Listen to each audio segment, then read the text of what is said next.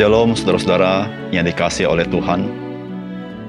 Percaya kepada Yesus Kristus merupakan anugerah yang sangat besar yang Tuhan berikan kepada kita. Karena kita pasti mempunyai pengalaman bagaimana tidak mudah bisa percaya kepada Yesus Kristus.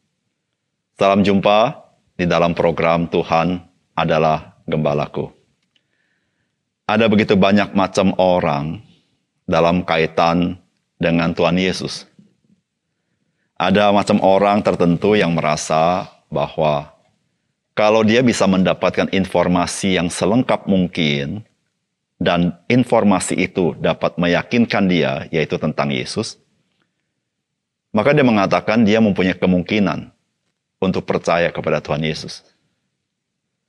Namun ada macam orang lain yang merasa bangga jikalau dia bisa tidak percaya kepada Tuhan Yesus. Karena dia berasumsi bahwa dia tidak dapat dipaksa oleh siapa pun untuk percaya. Namun ada lagi orang-orang tertentu yang mengandalkan logikanya.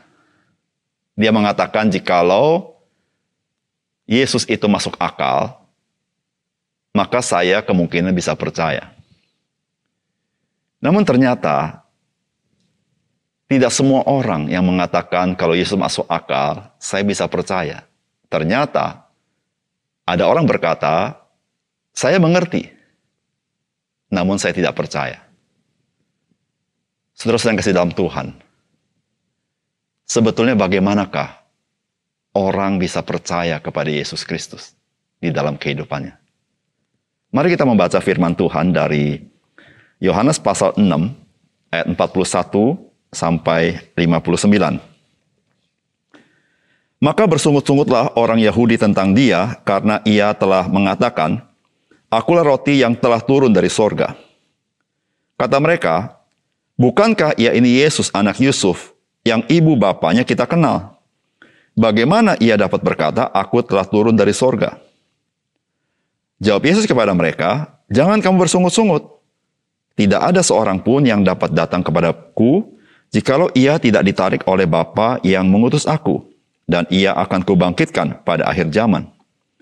Ada tertulis dalam kitab nabi-nabi, dan mereka semua akan diajar oleh Allah, dan setiap orang yang telah mendengar dan menerima pengajaran dari Bapa datang kepadaku. Hal itu tidak berarti bahwa ada orang yang telah melihat Bapa, hanya dia yang datang dari Allah, dialah yang telah melihat Bapa. Aku berkata kepadamu, sesungguhnya barang siapa percaya ia mempunyai hidup yang kekal. Akulah roti hidup. Nenek moyangmu telah makan mana di padang gurun dan mereka telah mati. Inilah roti yang turun dari sorga. Barang saya makan daripadanya, ia tidak akan mati. Akulah roti hidup yang telah turun dari sorga. Jikalau seorang makan dari roti ini, ia akan hidup selama-lamanya. Dan roti yang kuberikan itu ialah dagingku yang akan kuberikan untuk hidup dunia. Orang-orang Yahudi bertengkar antara sesama mereka dan berkata, Bagaimana ia ini dapat memberikan dagingnya kepada kita untuk dimakan? Maka kata Yesus kepada mereka, Aku berkata kepadamu, Sesungguhnya jikalau kamu tidak makan daging anak manusia dan minum darahnya, kamu tidak mempunyai hidup di dalam dirimu.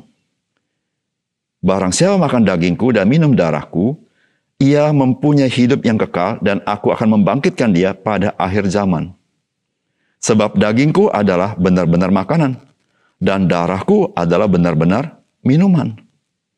Barang siapa makan dagingku dan minum darahku, ia tinggal di dalam aku, dan aku di dalam dia. Sama si Bapa yang hidup mengutus aku, dan aku hidup oleh Bapa. Demikian juga barang siapa memakan aku, akan hidup oleh aku.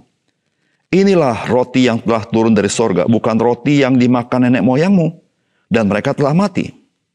Barang siapa makan roti ini, ia akan hidup selama-lamanya. Semuanya ini dikatakan Yesus di Kapernaum ketika ia mengajar di rumah ibadat.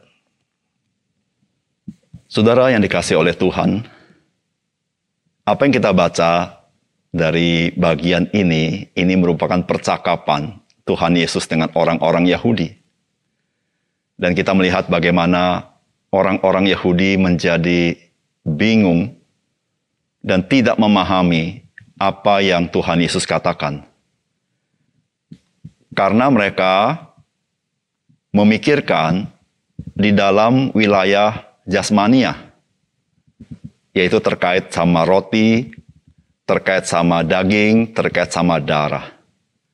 Tetapi Tuhan Yesus sedang berbicara di dalam wilayah rohani yang tidak dapat diselami oleh orang-orang Yahudi.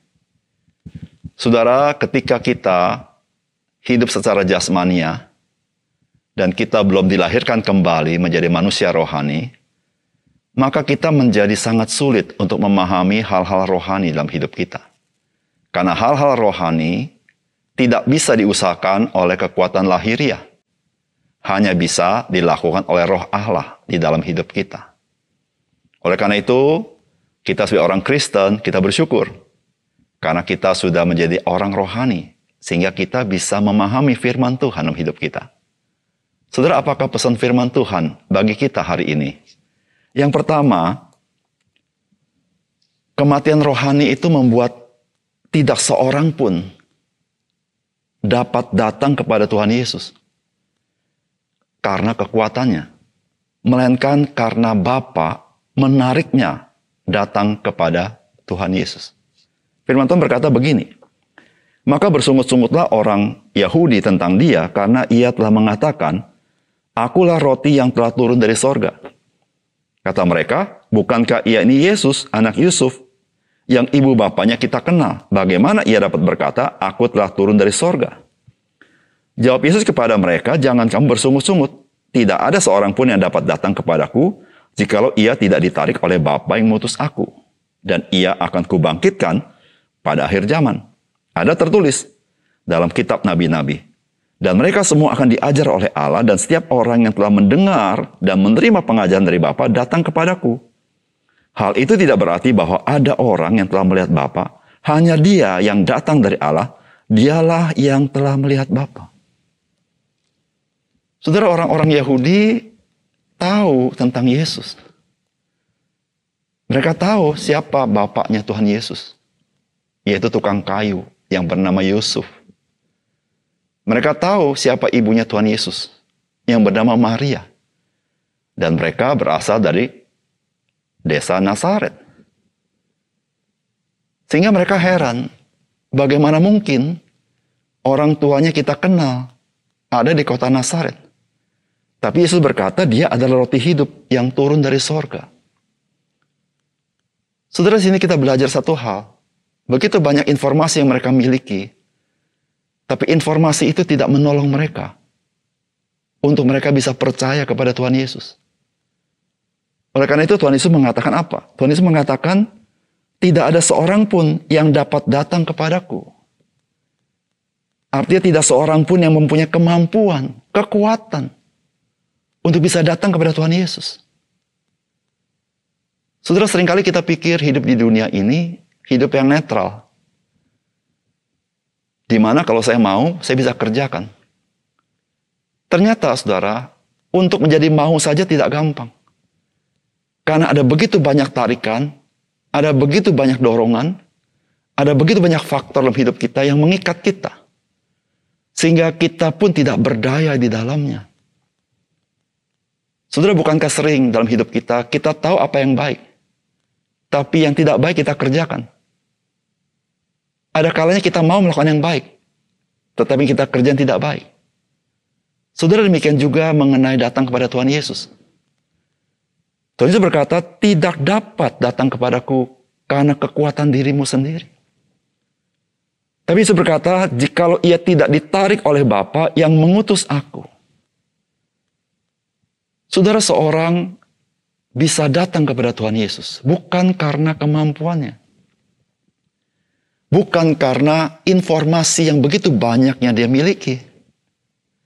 Bukan karena kemampuan logikanya. Semuanya itu menjadi tidak berarti karena dia tidak sanggup datang kepada Tuhan Yesus. Tetapi seorang bisa datang kepada Tuhan Yesus karena ada Bapa yang menarik dia. Dengan kasihnya, dengan kuasanya, karena Bapa sudah memilih dia sejak sebelum dunia dijadikan. Oleh karena itu, saudara-saudara yang kasih dalam Tuhan, ketika kita bisa percaya Tuhan Yesus, sebetulnya itulah anugerah semata-mata. Iman kita bukan karena jasa kita, tapi iman yang kita miliki itu karena kasih karunia pemberian Tuhan sehingga kita bisa percaya kepada Dia. Oleh karena itu saudara, diselamatkan semata-mata anugerah Tuhan. Di situ kita bersyukur kepada Tuhan. Kita berterima kasih Tuhan mencelikan mata rohani kita. Kita boleh mengenal Yesus juru selamat kita. Dan kita bisa melihat kemuliaannya. Dan kita bisa merasakan kasihnya. Itu anugerah yang Tuhan berikan kepada kita. Oleh karena itu, saudara, kita yang sudah ditebus oleh darah dia, mari kita hidup bagi dia. Karena dia begitu baik, begitu berkarunia kepada kita. Yang kedua, Saudara firman Tuhan hari ini mengajar kepada kita. Kita ini tinggal di dalam Kristus dan Kristus tinggal di dalam kita. Oleh karena itu kita memiliki hidup yang kekal. Firman Tuhan berkata begini, ayat 56-57. Barang siapa makan dagingku dan minum darahku, ia tinggal di dalam aku dan aku di dalam dia. Sama seperti Bapa yang hidup, mengutus aku dan aku hidup oleh Bapa, demikian juga barang siapa yang memakan aku, akan hidup oleh aku.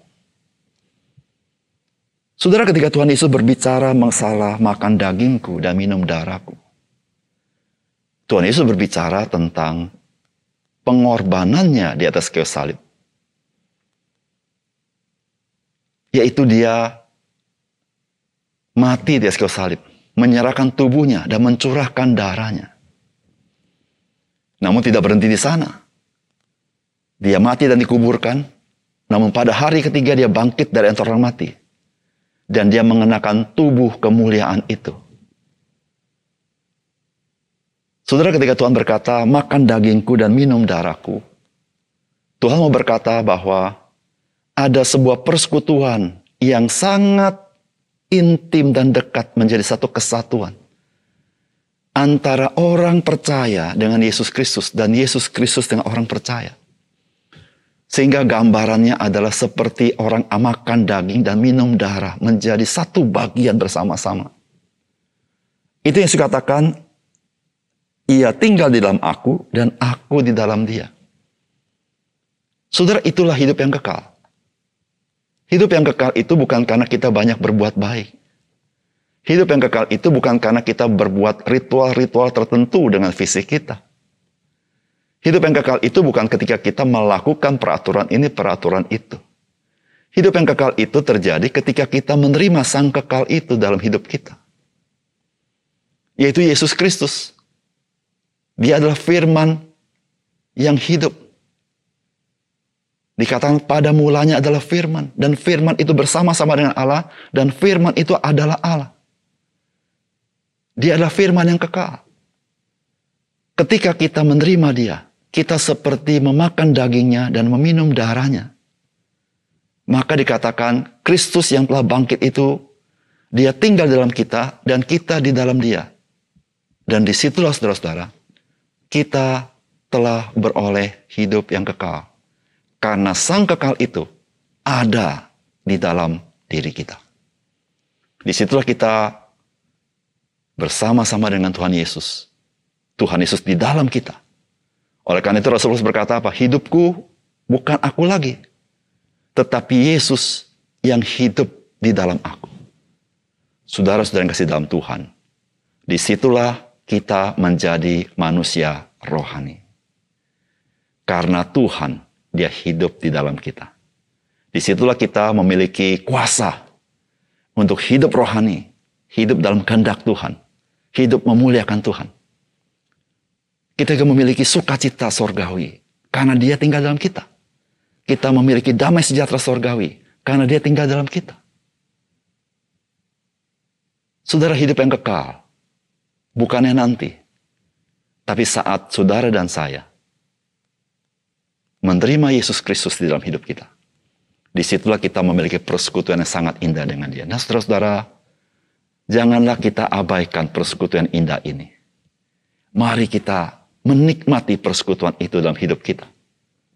Tidak cukup seminggu sekali, tapi setiap hari kita bersekutu dengan Dia. Kita mengalami Dia. Dia ada dalam jiwa kita, dalam hidup kita. Sehingga apa pun pergumulan kita, Dia lebih tahu daripada kita. Dia dulu tahu daripada orang lain. Karena dia ada di dalam kita. Saudara betapa bahagia menjadi orang-orang yang mengenal Kristus. Karena hidupnya mengalami Tuhan dalam hidupnya. Mari kita berdoa. Bapak surga terima kasih untuk kebenaran firman Tuhan. Biar Tuhan memberkati firman-Mu, mencelikkan mata rohani kami melihat kemuliaan anugerah Tuhan. Sehingga kami sungguh-sungguh terdorong untuk hidup di dalam Engkau dengan sukacita. Terbangun motivasi kami untuk kami boleh bersekutu dengan Engkau, mengalami firman-Mu, dan mengalami Kristus dalam hidup kami. Sehingga semakin hari, kami semakin serupa dengan Engkau. Terima kasih untuk firman-Mu yang hidup ini. Dalam nama Tuhan Yesus kami berdoa. Amin.